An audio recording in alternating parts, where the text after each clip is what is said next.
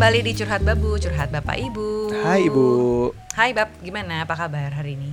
Hari ini oke. Kita baru dari apa namanya um, Aira itu dinilai semacam rapot lah ya, terima rapot zaman sekarang, three way conference. Jadi kita dapat dapat feedback tentang anak kita seperti apa, plus minusnya. Zaman sekarang bagi rapot itu nggak disebut sebagai bagi rapot Ah, gitu ya, ah. antara PTC Parents Teacher eh, Conference Ah, ah. atau three way conference. Jadi three way itu ada anaknya juga maksudnya. Jadi, Jadi, kita guru, dinilai orang tua dan anak. dan anak. Jadi ya bagus sih kalau kita um, kita tadi ngobrol juga sama ada anak apa orang tua murid yang lain bahwa anak zaman sekarang itu orang tua orang tuanya lebih involved. Itu bapak ibunya datang kita juga bapak ibunya datang. Jadi yang kayak takes apa cuti sebentar atau bukannya izin sebentar dari waktu kerja kegiatan untuk involve gitu. Senang banget sih sekarang ngelihat zaman sekarang anak orang tua tuh lebih lebih involved di anaknya karena sekolahnya juga termasuk yang kayak ada kegiatan ini, ada itu, ada pentas ini, ada tugas ini yang orang tuanya harus involve itu seneng banget, seneng banget. Dan eh, terkait sama obrolan kita hari ini, sebenarnya kita nih sudah mengundang seorang psikolog anak dan remaja yaitu Mbak Monica Sulistiawati. Yeay, Yeay. halo Mbak Monica, apa kabar? Baik, Mbak Nuca. Baik. Sibuk apa Mbak Monica? Hari ini nanti saya ada klien, mm, anak SMA. Kemudian besok juga ada asesmen minat bakat. Jadi Oke. memang setiap hari ini lagi padat dengan klien nih. ya. lagi Oh. Kak. Jadi Mbak Monica ini kan sebagai seorang psikolog eh, anak dan remaja ya Betul, Mbak. betul. Di mana Mbak? Boleh boleh disampaikan. Di Taman Aries, Jakarta Barat. Oh oke. Jadi Mbak Monica juga seorang millennial parents ya boleh dibilang ya. Betul, anak saya ada dua, yang besar hampir 8 tahun, Ah, ah. yang kecil empat setengah tahun. Iya, milenial parent kayak kita kita juga gini. Iya benar benar. Jadi punya punya anak di zaman yang hampir sama sama- ya emang sama sama, Sama, kita sama. ini ya. Ah, bukan hampir sama. Iya. Umurnya anaknya beda dikit tapi tapi zamannya sama lah ya. Ah. Iya. Nah, kalau dari sisi Mbak Monica nih seorang psikolog ngelihatnya style parenting millennial parents tuh kayak apa sih sekarang? Oh sekarang itu saya senang banget karena awarenessnya orang tua nih mulai meningkat ya bukan tumbuh lagi tapi memang Ah. meningkat berkembang dengan sangat baik sangat positif. Jadi eh, kalau saya hadir di seminar-seminar itu benar tadi kata Mas Aryo bilang bahwa yang datang itu bukan hanya si mama-mamanya Iya, aja nih, benar. tapi Iya. juga papa-papanya. Father's involvementnya udah kelihatan banget gitu. Tinggi ya. Mm-mm. Entah entah di entah dipaksa kali ya enggak ya. apa minta dipaksa iya sih. Jadi awarenessnya ya, kalau saya lihat tuh awareness masing-masing kedua orang tua Ah. ini sudah berkembang dengan sangat pesat. Penyebabnya kira-kira apa sih? Aku dari situ dulu ya misalnya uh, Bapak itu lebih terlibat penyebabnya tuh apa? Kalau misalnya aku ini an analisa aku aja, aku ngelihatnya dari pengalaman pribadi juga bahwa karena saya nggak dapet itu dari bapakku gitu, nggak dapat kedekatan yang itu, jadi kayak mau berusaha uh, putus rantainya, anakku dapat perhatian yang aku nggak dapet dulu. Itu apakah itu salah satu faktor? Apa orang lain tuh kayak gimana sih? Kenapa zaman sekarang millennial parents tuh lebih lebih involve lah bapaknya gitu? Hmm, mungkin yang tadi disebutkan memang salah satu faktor, tapi faktor lain yang saya lihat adalah eh, memang insight-nya mereka nih, wawasannya mereka nih berkembang dengan sangat pesat karena peran serta teknologi juga nih. Teknologi ya. Ah, ah, jadi mereka tuh ngelihat bahwa anak-anak ini sekarang ruang lingkup pekerjaannya nanti di masa depan itu bukan hanya ruang lingkup yang bisa diajarkan oleh si bunda-bundanya Bunda saja, saja. tapi ayah-ayahnya juga perlu mengajarkan, perlu terlibat dengan si anak. Nah, kemudian juga eh, dari mereka melihat media sosial, media online itu kan kelihatan tuh bahwa sekarang yang mulai dipromosikan adalah or ada mama, ada papa, ada anak, ada mama, ada papa, ada anak. Ah. Jadi kesadaran mereka untuk yuk terlibat lebih aktif ke anak-anak juga berkembang dengan pesat Ah, gitu. dan apalagi kalau di media sosial berarti kalau orang yang kita lihat begitu seolah-olah kita juga terpanggil untuk begitu gitu ya. Hmm, Ya bagus juga berarti ada media sosial ya Bu ya. Iya, dan aku ngelihatnya ya tren sekarang tuh ke organic lifestyle. Hah? mm-mm. Jadi kayak misalnya walaupun kita misalnya anak-anak kita kan ini di zaman yang istilahnya tech savvy, digital savvy gitu ya. Tapi di sisi lain mereka ini orang tua mengenalkan pada alam lebih banyak kayak keluar. Iya. Tapi memang eh, mungkin jangan disamain kayak zaman dulu ya. Ah, zaman ah. sekarang mungkin mainnya keluar tuh kayak misalnya Mbak Monica sendiri nih di rumah menyediakan lahan untuk main outdoor, Mm-mm, ya kan? mm-mm. Iya. Terus kalau misalnya kita lihat pilihan eh, tempat bermain anak sekarang yang outdoor jadi lebih banyak lagi. Kayak misalnya di Bogor kemarin aku lihat ada satu tempat petualangan anak gitu. Eh, buat adventure di weekend mereka ada hiking, ada apa Iya. rafting dan lain-lain itu emang buat anak-anak. Jadi buat outdoor gitu. Bagus ya. Sayang alam. sekali Jakarta lagi begini udaranya. Sayangnya Jakarta Ah, nih ah. polusinya Betul. lagi tinggi banget. minimal harus ke Tangerang lah ya Iya, Iya, agak kita- bergeser. Tapi memang itu lagi dicari banget tempat untuk untuk untuk outdoor, betul, untuk betul. le- lebih organik. Setidaknya kita juga bisa dari makanannya juga sudah mulai organik gitu. Iya iya bener-bener bener. Kayak misalnya eh, maka sesimpel makanan orang nggak tahu ya zaman sekarang aku ngelihat sayurannya organik gitu kan. Tapi memang nggak selalu ya di tukang sayur belum tentu organik ya. Iya. Biasanya pesan lewat online, biasa terus kayak dari Instagram gitu loh Iya, sekedar buat iya, Instagram terus beli Udah untuk sayuran banyak. online. Terus udah gitu eh, apa namanya banyak lagi organik ya. Kayak misalnya ada susu eh, Pure Grow ini susu baru ya Pure Grow organik susu pertumbuhan organik pertama di Indonesia. Jadi eh, memanfaatkan banget untuk produk-produk yang lebih organik Iya, iya, iya, gitu. iya, iya. Terus kalau ciri-ciri organic lifestyle apa aja sih Mbak kalau yang Mbak Monica lihat sekarang? Jadi kalau eh, buat saya sekarang ini adalah kenapa eh, walaupun sudah anak-anak punya keterikatan, punya attachment yang sangat besar dengan gadget, mereka tetap harus kembali ke alam. Karena menurut saya dengan mengembalikan anak-anak itu ke alam, kita memanusiakan manusia, Memanusiakan manusia. memanusiakan manusia ya. Iya, iya, Jadi iya. mereka memang mengenal fungsi-fungsinya lebih Heeh. bahwa ada hal-hal tertentu yang eh, anak-anak tuh nggak bisa dapatkan dengan gadget.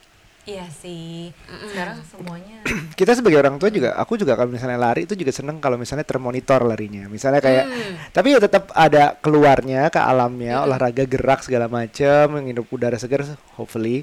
Tapi dengan masih kayak uh, pakai gadget which is nggak apa-apa ya. Mungkin kalau di zaman sekarang nggak bisa nggak totally bisa dihindari sama sekali ah. kok gitu. Karena kita kan nggak mungkin kembali ke zaman batu ya. Iya iya. iya iya iya iya. Terus bonding time orang tua juga kayaknya secara organik tuh lebih lebih banyak ya. Eh, misalnya nih bapak aja aku lihat, bapak-bapak itu sekarang udah lebih hands on eh, ganti popok anak, terus misalnya mau gendong Ya, ah, ah. tanpa disuruh gitu ya, secara organik aja tumbuh kayak Iya. keinginan untuk Iya. ngerawat anak gitu Iya, kan. iya, Jadi iya, iya, iya. menciptakan ide apa tuh bonding time sendiri. Misalnya kalau Betul. kebetulan anakku mungkin karena udah bisa dibawa ya anak tiga tahunan dia ngajaknya Ngopi. coffee shop Ah. kopi gitu jadi keinginan untuk bonding time gitu ada banget Iya, aku suka membagi waktu gitu, Mbak. Jadi kalau misalnya em, kadang-kadang sama anak yang satu, kadang-kadang sama yang satu, kadang-kadang sama ibunya doang. Jadi kayak nggak nggak selalu harus bergrup Betul, berempat, betul, mm-mm. tapi kayak ada intimate moment sama yang satu, nomor satu atau nomor dua atau sama istri, sama istri gitu. Jadi kalau menurut saya sih secara umum organic lifestyle untuk si orang tua ini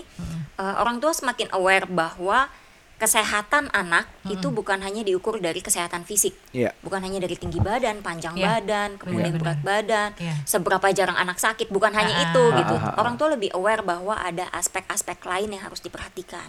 Aspek fisik, aspek kognitif, sosial, emosi. Iya. Aspek Oke. fisik misalnya orang tua mulai uh, aware untuk mereka mengasah keterampilan-keterampilan motoriknya Oke. bukan hanya motorik kasar tapi juga motorik halus melalui permainan-permainan sensori. ah Terus juga mereka semakin aware nih bahwa yang harus dirangsang bukan hanya visual auditori, Ah. tapi juga kemampuan-kemampuan mereka misalnya seluruh indera nih, termasuk pengecapan, peraba, penciuman. Jadi mereka mulai bawa mereka anak-anak ini ke alam. Terus Oh, mulai ah. melibatkan si anak-anak ini lebih banyak pada aktivitas-aktivitas rumah tangga misalnya, bantuin mamanya ngolah makanan, Iya, iya. iya iya terus iya, ngajak iya. anak belanja, mengenalkan anak-anak Life in- skill ya, Mbak, ya? Betul. Jadi Uh-uh. orang apa ya ke- Iya. pengetahuan kesadaran orang tua ini memang sangat penting gitu untuk si anak-anak iya. ini gitu Iya, dan iya. pada saat si orang tua mengajak anak-anaknya tadi misal ngedate berdua gitu ya ah. anaknya ada dua ada mamanya juga buat Ah, saya sih itu ngedate gitu Iya, jadi iya, betul. ajak anak yang pertama besok nanti minggu depan gantian sama anak yang kedua Iya, gitu iya. itu kan menumbuhkan bonding terus Iya. mengajarkan keterampilan sosial juga ke si anak Iya, karena aku keterampilan emosi ngerasa kalau begi- begitu anak kedua lahir kan ke, otomatis perhatian tuh kebagi Mm-mm. udah udah istri eh, ada istri terus anak pertama lahir itu udah kebagi anak kedua lahir kebagi lagi Betul, betul. jadi ya kalau misalnya kita kebagi kita nggak akan pernah ngasih waktu yang full ke satu lagi gitu Betul. jadi harus waktunya tuh dibagi-bagi nah ini kan kita udah ngomongin bagusnya banget nih tentang millennial parents ini ya zaman kita kesannya kita bagus-bagusin generasi kita Iya, doang. Tapi sebenarnya millennials tuh biar ada ada kekurangannya juga gitu. Menurutku suka ya kelewatan sama teknologi. Misalnya teknologi itu membantu, iya benar benar membantu. Tapi kadang-kadang tuh ya ya udah lepas aja. Misalnya em, aku kalau nggak salah nih correct me if I'm wrong kalau kebanyakan teknologi itu bisa ke arah kayak attention disorder untuk anak bener nggak sih banyak yang dialamin banget, apa tuh banyak dari Apa sih mbak yang menjadi problem atau kelemahan dari Millennial parents ya? millennial- Millennial parents dan millennial parenting ini? Jadi teknologi itu memang bisa mendekatkan yang jauh, tapi juga menjauhkan yang dekat betul Iya. Kita lagi makan bareng, hadap-hadapan, masing-masing pegang gadget, ya seolah-olah lu lu gua gua Iya. gitu. Iya. Benar-benar jauh jadi jauh gitu ya. Nah, banyak juga anak-anak yang eh, terlalu dipaparkan dengan gadget. Ini zaman sekarang nih trennya kalau saya lihat itu banyak banget anak-anak yang punya gangguan tadi, disfungsi sensori integrasi. Disfungsi Jadi, sensori ah, integrasi. jadi oke kalau kita bilangnya regulatory sensory processing disorder. Iya. Kenapa? Jadi anak sebenarnya kan kita ini kayak komputer nih. Mm-mm. Ada data yang masuk, input, kita Ah. proses, outputnya seperti apa. Iya. Nah, banyak anak-anak yang karena terlalu terpapar dengan gadget, mereka tidak punya kesempatan untuk eksplorasi lingkungan lebih mendalam. Jadinya input yang masuk ke mereka, mereka salah prosesnya. oh Jadi misalnya nih ada anak yang mencium eh, bau tidak enak, itu bisa menyebabkan mereka kalau kita kan biasa ada nyium-nyium bau nggak enak, mungkin kita tutup hidung. Iya. Ah. Itu proses yang benar. Iya, benar. Kita nyium bau nggak enak, hidung kita rasanya nggak nyaman, outputnya kita perilakunya kita tutup hidung. Oke. Ada anak-anak yang mencium bau tidak enak, input ada bau masuk, processingnya nggak benar. Processingnya misalnya bikin mereka mual oh bikin mereka mual, bikin mereka marah. Nah, Oh, sampai kayak outputnya gitu. itu anak jadi gampang tantrum, gampang emosian, Iya. Pengaruhnya cuma dari berlebihan. hanya karena mencium aroma yang nggak enak gitu. Salah satunya. Salah satunya. salah satunya Mm-mm. indikasinya apa sih kalau anak yang sudah uh, kelebihan gitu over gadget lah apa apa pun istilahnya itu ada gejala-gejala yang harus kita oh ini kita harus alert nih kita harus do something itu apa sih Mereka tidak peka dengan lingkungannya lagi atau kepekaan mereka menjadi oversensitif. oke Jadi hyposensitif atau uh, undersensitif Ah. atau oversensitif. oh. Undersensitif itu misalnya anak diraba, dikelitik-kelitik itu nggak punya reaksi apa pun. atau dipanggil nggak nengok dipanggil nggak nengok diajak bicara kontak matanya nggak tahu ke mana. Lari-lari. Heeh, kayak gitu. Ah itu ya. Itu yang kalau Yang under sensitive. under sensitif kalau yang over sensitif anak diajak ngomong dia bisa teriak-teriak. Padahal kita ngomongnya biasa aja nih ke anak. Halo nama kamu siapa? Dia langsung ah! gitu. Oke. over sensitif oh. Eh, oversensitif ini sama dengan hypersensitif nggak betul sama. Oh sama. Dan itu biasanya anak-anak yang katanya hiperaktif bukan? Nyambung nggak sih mbak sama hiperaktif itu? Jadi memang eh, salah satu penyebab yang menyebabkan anak mengalami gangguan hiperaktif itu memang ada kelainan di fungsi sensorinya. Tapi anak-anak hiperaktif memiliki indikasi yang lebih complicated dibandingkan eh, anak-anak yang jadi gejalanya bukan hanya dilihat dari situ. Hmm. cuman memang ada anak-anak yang mengalami gangguan RSPD tadi itu yang nggak fokus hiperaktif itu ada jadi Bilang- gejalanya saling tumpang Iya, tindih nih iya, gitu iya. Melabeli hiperaktif, undersensitif atau apa pun itu bisa sendiri atau kalau baikly baiknya harusnya ketemu Harusnya profesional ya. ketemu. Mm-mm, betul. Jadi- Karena kalau kita salah diagnosa nanti treatmentnya salah malah anaknya salah penanganan bukannya Hmm. progres yang didapatkan justru malah ter- terjadi ha- mungkin hal-hal lain gitu yang kita nggak Iya. harapkan gitu. Tem- Karena uh, orang tuaku uh, per- eh, ibuku pernah kamu tuh dulu cukup kalem kok ada teman-temanmu yang hiperaktif tuh oh tahu dari mana siapa tahu bisa aja aktif aja Mm-mm, gitu betul, memang betul. memang energinya lebih emang orangnya suka lari-lari tapi indikasi batasnya di mana itu baiknya memang harusnya ketemu uh, Ketemu psikolognya. profesional ya Mm, Karena ada eh, serangkaian indikator yang mesti kita cek, ada nggak gejala-gejalanya. Iya. Kemudian kan psikolog-psikolog ini profesional ini yang mengetahui batasan norma-norma Iya. aktif, hiperaktif, under eh, aktif tuh seperti apa gitu. Uh, Oh oke. Kalau misalnya boleh tahu nih, Mbak Monica tuh menangani kasus-kasus eh, anak nih yang zaman sekarang misalnya usia 0 sampai 5 tahun ini misalnya yang sangat early biasanya pada kasus apa sih, Mbak?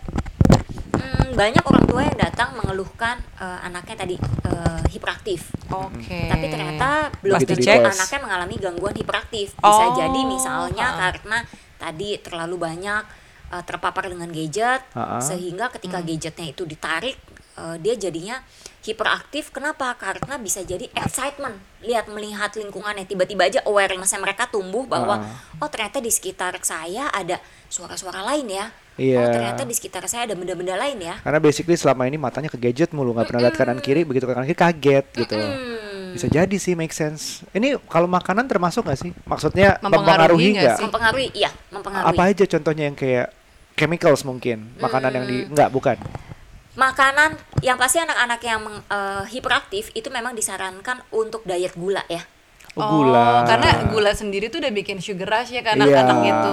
Heeh. Dan kalau di anak kecil diterimanya lebih besar ya biasa biasanya ya. Maksudnya kita kan biasa aja ah, nggak apa-apa minuman kayak gini kadar tapi toleransinya ya toleransinya Iya. ha, ha, ha.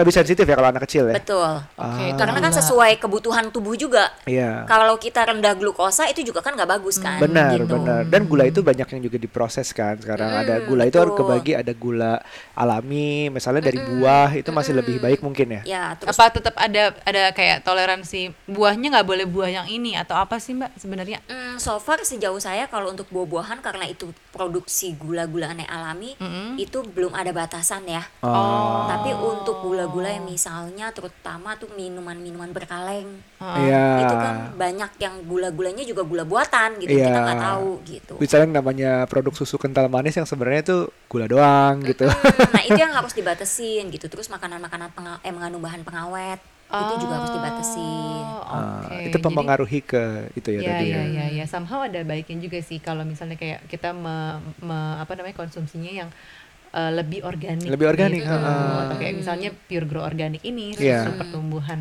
di Terus yang Indonesia. terlalu banyak mengandung gluten itu juga harus dibatasi. Oke, gluten itu ada apa Nah, aja coba sih? ada yang ada yang ba- banyak banget nih yang sebenarnya gluten tuh apa sih nih gluten free? Gluten tuh yang mana? Tepung, apa-apa sih? Mm, Gluten itu ada tep- eh, di tepung-tepungan, di roti, pasta, kemudian makanan-makanan cemilan-cemilan tuh keripik-keripik itu juga mengandung gluten gitu.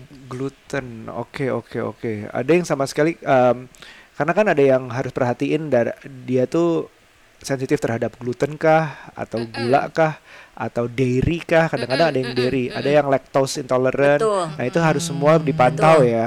Nah Ter- biasanya saya tuh kalau ada klien-klien yang seperti itu saya memang menyarankan untuk ke ahli gizi karena bagaimanapun juga ahli gizi yang lebih mengetahui lah kita te- tahu teorinya tapi kan kadar Iya. Kebutuhannya si Ya. ahli gizi ini lebih tahu. Jadi yang tepat tuh kalau misalnya mulai gejala-gejala tadi yang terasa, oh ini anak agak gimana ya? Mungkin kita harus periksa both ke physical and mentally gitu ya. Betul, betul. Physically and mentally. Jadi kayak kalau mentally mungkin ke profesional seperti Mbak Monica, tapi kalau yang dari gizinya itu juga harus diperiksa, Betul, nutrisi Gizi dokter gitu, ya. Iya, iya, iya, iya, iya. Terus yang eh, menurut Mbak Monica anak-anak zaman sekarang ini kan anak-anak kita adalah generasi alfa. Ah. Ya, karakter seperti apa yang paling menonjol, Mbak?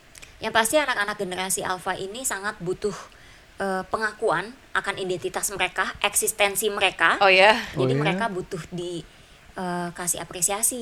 Oh bahkan oke generasi alpha tuh lahir tahun 2010 ya Iya. sampai 2020 ya. Eh Eh, Berapa, Bu? Sampai sekarang masih generasi sekarang- alfa nih. Iya, iya, iya. kayaknya apa 2020? mulai dari 2010 ya 2020-an berarti ya. paling tua kira-kira adalah anak umur 9 tahun sekarang. Mm-mm. Jadi dari bahkan anak kita yang baru satu setengah tahun juga butuh itu ya pengakuan instant gratification gitu Betul, ya. tapi pengakuan yang dimaksud bukan berarti pengakuan yang semata-mata wah kamu pintar, Iya. wah kamu cerdas. Oh, kamu Oke. hebat. Tapi pengakuan itu juga bisa dari kebutuhan emosinya. Misalnya bahwa gimana? eksistensi anak itu ada.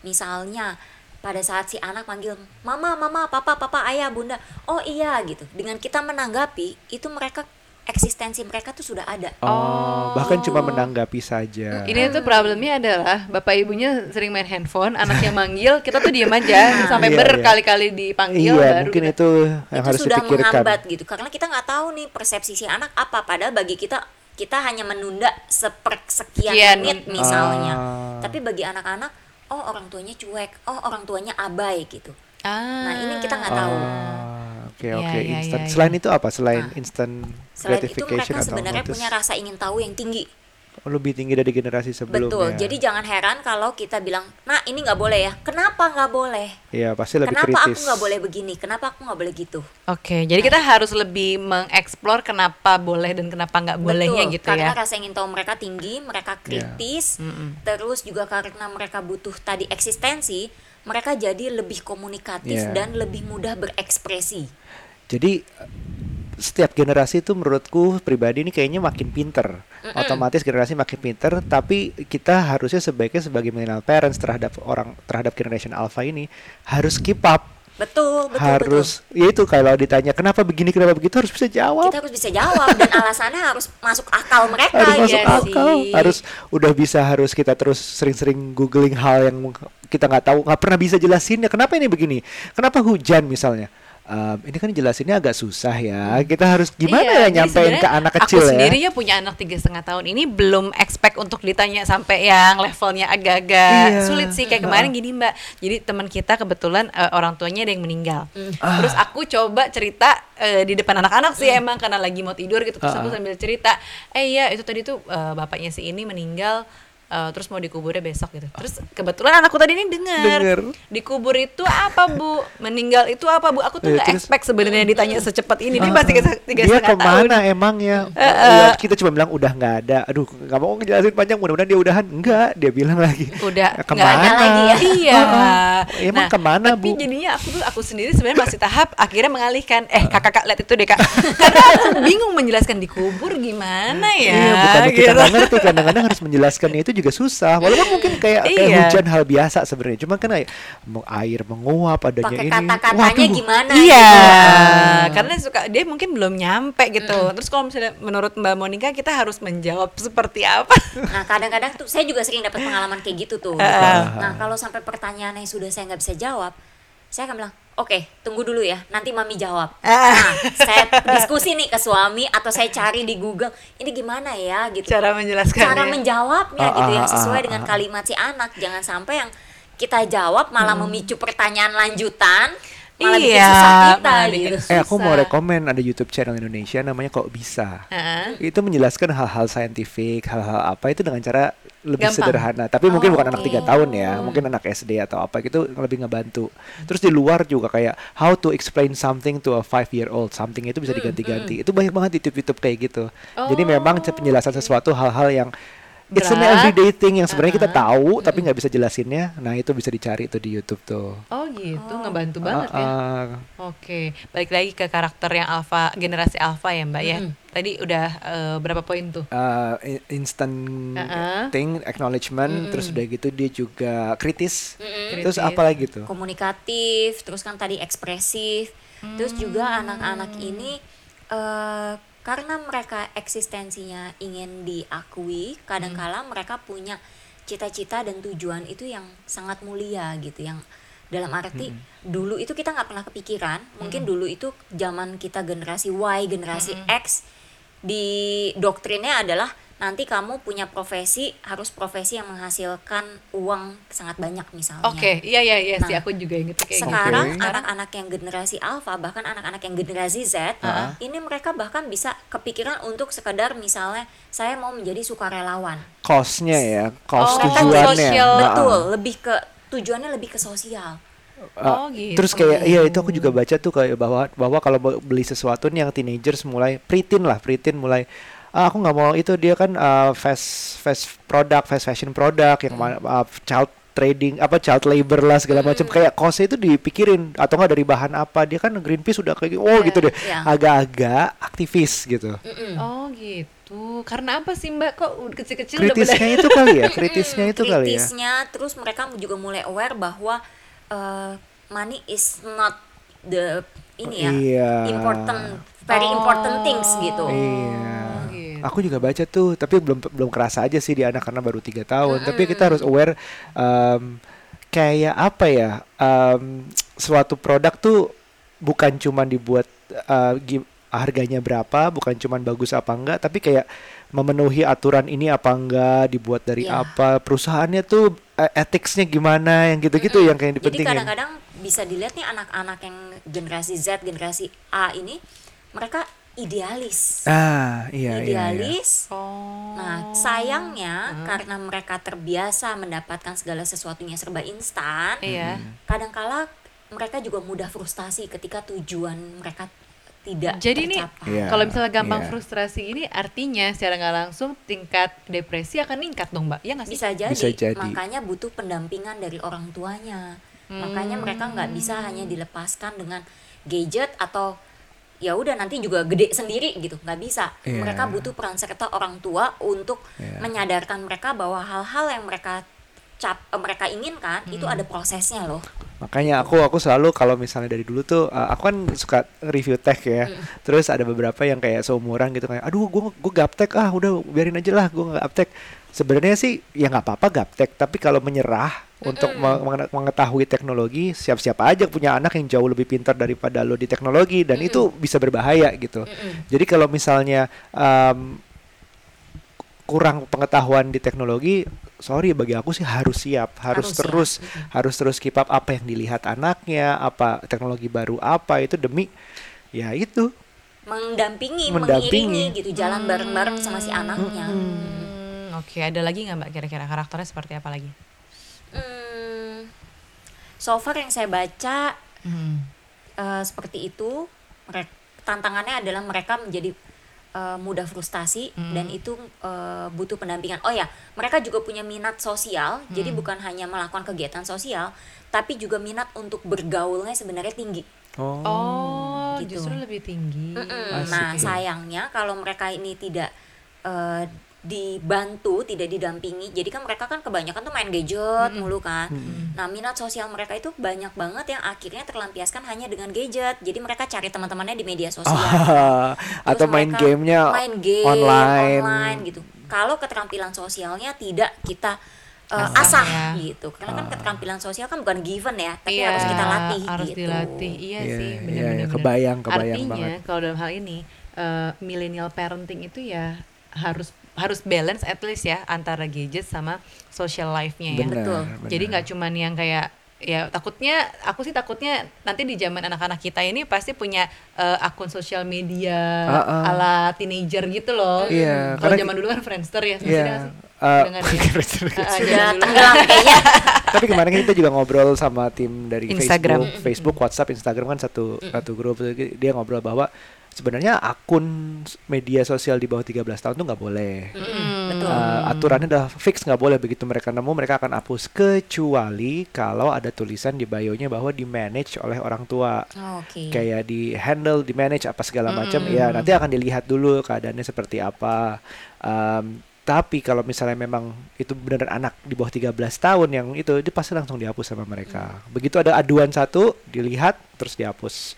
Kayak gitu. Memang itu menjaga bahwa um, social media can be very toxic juga kalau nggak dijagain baik-baik. Karena kemarin kita ngobrol sama sudah dong tentang cyberbullying terus dia ngomong tentang suicide tentang mental depression tuh banyak banget. Ini mungkin nggak fix generation alpha ya karena yang dikejar adalah teenager tapi 9 tahun juga bisa jadi ya udah mulai ada Sudah social mulai media preteen ya. Aku ngelihatnya gini takutnya sekarang aja nih dengan adanya muncul sosial media yang lumayan berlebihan gitu ya. Ma- udah mulai kayaknya atau gimana ya tren di sekelilingku tuh udah banyak yang di apa depression. Iya. Ibu-ibu baru melahirkan postpartum depressionnya juga banyak. Iya. Banyak, banyak. Nah, nanti nih semakin anak-anak kita generasi alpha attach dengan gadget, takutnya ya gitu juga. iya Ya kan? benar-benar kita kita aja belum ahli di semuanya kita aku walaupun aku nyoba segala macam social media ibu kita coba TikTok nggak Enggak, enggak nyoba TikTok Padahal sih. anak teenager Iya. sekarang tuh banyak banget itu juga. Kita Oh, Snapchat, oke. Snapchat mungkin di luar ya. Tapi itu juga kita nggak pernah experience. Harusnya at least we know daripada kita nggak usah ahli, tapi at least we know. Oke. Mereka punya Instagram account, mereka juga bisa punya second account ya, biar orang tuanya nggak tahu. Oh itu Betul, juga ngeri. itu ngeri banget sih. Oke, terus apa lagi? ada mungkin ada um, untuk menemani generasi alpha yang mungkin super head fans ini ada tips nggak sih buat kita millennial parents uh, yang dengan mengetahui tadi barusan karakter kita millennial parents apa aja bisa digabung nggak apa yang bisa kita persiapkan untuk generation al- generation alpha Nah, kalau saya sendiri pribadi nih, saya suka banget deh istilah memanusiakan manusia. Jadi tadi itu kita sebagai orang tua tetap harus eh, gadget saya percaya itu memang tidak bisa dihindari sama sekali. Iya.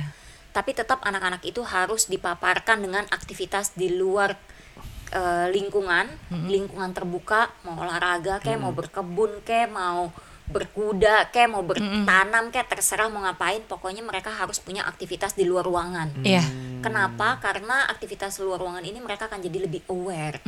Oke, oke. Kepekaan sosial mereka menjadi lebih bertumbuh, empatinya lebih bertumbuh. Kemudian juga pada saat eh, orang tua hadir untuk anak ini benar-benar harus hadir secara penuh gitu, bukan berarti ya udah anaknya ditemenin pergi main keluar lingkungan, keluar ruangan, tapi anaknya mau main lari-lari orang tuanya Ngobrol sibuk sama temennya gitu atau sibuk sama handphonenya. online shopping misalnya gitu kan. Jadi memang keterlibatan dengan orang tua itu sangat penting dan orang tua tidak boleh berhenti untuk belajar ya. Tadi Oke. itu dia tadi. Ah. Oke, tips dan trik yang berguna banget nih Ah, ah. kayaknya. Cuman terus ini terakhir nih Mbak dari aku. Jadi apakah eh, metode Montessori itu adalah pilihan metode yang tepat buat anak-anak Hmm. zaman sekarang nih karakter alfa, karakter generasi alfa? Karena kalau kita lihat kan pendekatannya eh, Montessori itu membiarkan anak untuk memilih sendiri apa yang dia suka. Terus eh, kita juga harus punya kayak prinsip follow the child, mengikuti tanpa memaksakan apa yang dia inginkan. Apakah metode ini menjadi metode yang tepat untuk anak-anak generasi alfa, Mbak? Saya sih suka dengan metode Montessori ini dan saya melakukannya ke anak-anak saya ya. Hmm. Jadi mereka bebas untuk berkreativitas, mereka bebas untuk berkreasi Iya, iya. sesuai dengan kemampuannya mereka gitu. Mm. Tapi apakah ini menjadi metode yang terbaik bagi anak-anak alfa ini? Tentu orang tua juga harus cermat karakter anak-anaknya seperti apa gitu. Oh, karakter oke. secara umum yang tadi saya sebutkan. Tapi kan ada karakter-karakter khususnya. Ah, Nah, misalnya anak-anaknya kurang memiliki rasa eh, secure, rasa aman, rasa kepercayaan diri untuk mereka mencoba aktivitas yang baru. Bukan berarti orang tuanya hanya bi- bilang udah pokoknya cobain, cobain enggak. Oke. Artinya memang anak butuh diarahkan. Oke, Gitu. diarahkannya tuh sampai di level apa sih Mbak? Sebenarnya karena takutnya gini, "Ah, enggak kok dengan dalih kita, enggak sebagai orang tua kita mau mengarahkan aja, padahal tuh kalau dilihat dari helikopter view sebenarnya itu memaksakan artinya gitu tuh kayak gimana sih kita mengarahkannya itu?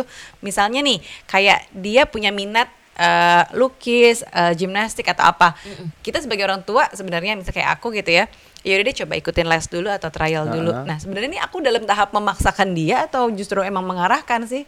Enggak, mengarahkan. Karena mem- namanya anak-anak kan mereka belum bisa decide sendiri ya Iya. aktivitas yang mereka suka apa. Jadi kalau saya lebih mengenalkan, Heeh. kemudian mencoba me- eh, meminta mereka untuk mencoba dalam jangka waktu tertentu minimal enam bulan. Oh, Nah, oke. dari situ dilihat lagi kira-kira anaknya ini terpaksa atau enggak ngikutinnya. Kalau Ah. anaknya kira-kira setiap kali di, ada les melukis misalnya Nangis. nangis nangis nggak mau terus pokoknya tantrum oke berarti mungkin kita perlu mencoba mengenalkan aktivitas lain yang lebih dia suka 6 bulan ya, cukup lama ya berarti ya. karena eh, anak-anak ini juga kadang-kadang kita harus mengukur konsistensinya mereka Iya, nih iya, iya, iya. memang Iya sih, hanya benar, moodnya benar, mereka benar. lagi jelek Ha-ha. atau ada waktu tertentu yang mereka memang udah memang benar-benar gak suka Iya, gitu iya, iya. Oh, oke. jadi Jadi, kita evaluasi juga gitu oke. Tenang jadi Bu, nih- insting keibuanmu aku tak ya aku yakin insting ibuan itu juga penting aku yakin bisa lah. Oh, Oke, jadi berarti at least secara durasi waktu kita kasih waktu mereka enam bulan untuk Ah, ah. explore di satu bidang yang Mm-mm. menurut kita kayaknya dia cocok atau misalnya mungkin Ah, ah. bisa dicoba gitu itu enam bulan ya mbak ya. Dan enam bulan itu bukan berarti ini untuk anak-anak eh, untuk anak-anak usia 1 sampai 3 tahun misalnya ya. Ah. Bukan berarti konsisten enam bulan tiap minggu diikutin terus. Hmm. Bisa juga trial error. Jadi misalnya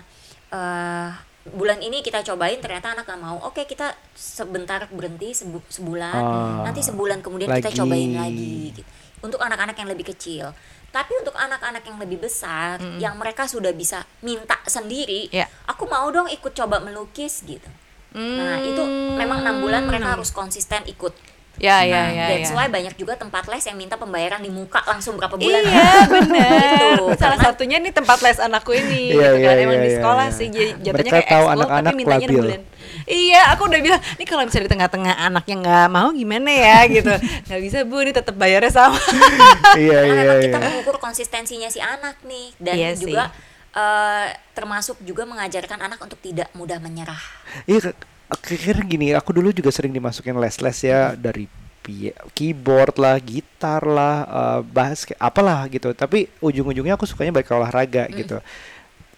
Suka ada yang eh, ibuku suka ini kamu bosenan ya gitu. Apa bosenan apa cuman it's not my interest aja mungkin ya waktu itu ya. Jadi aku ya Karena label bosenan tuh sering banget aku dengar anak gue bosenan. Bosenan. Nah, sam- makanya sampai di level mana kita bisa ngecap anak ini sebenarnya emang bosenan. Apakah misalnya baru baru satu bulan ganti Ah, terus ah. itu dianggap bosenan atau, atau gimana? memang nggak nemu aja apa yang dia suka Iya. banget. Harusnya sih kan kalau dia suka banget ya harusnya ya dia nggak akan bosen lah. Iya, gimana itu, Mbak? Kalau saya sih pokoknya hmm, selama anak ini masih berada dalam usia 15 tahun ke bawah, Ya. itu mereka memang masih dalam tahap eksplorasi. Oke. Hmm. Jadi kalau anak-anak ini terlihat bosenan, menurut saya it's normal thing gitu karena mereka Oke. memang sedang mencoba berbagai hal. Oh. Nah, supaya si anaknya ini kita nggak ya oke kita tahu anak kita bosanan tapi gimana mengarahkannya nih supaya si anak nggak bosanan tadi kita kasih kita memberikan target ke diri kita sendiri oke kita coba tiga bulan oke kita coba enam bulan Mm-mm. Oke. Gitu. Baik, baik, baik, baik. Oh, make Oke, sense. kalau gitu.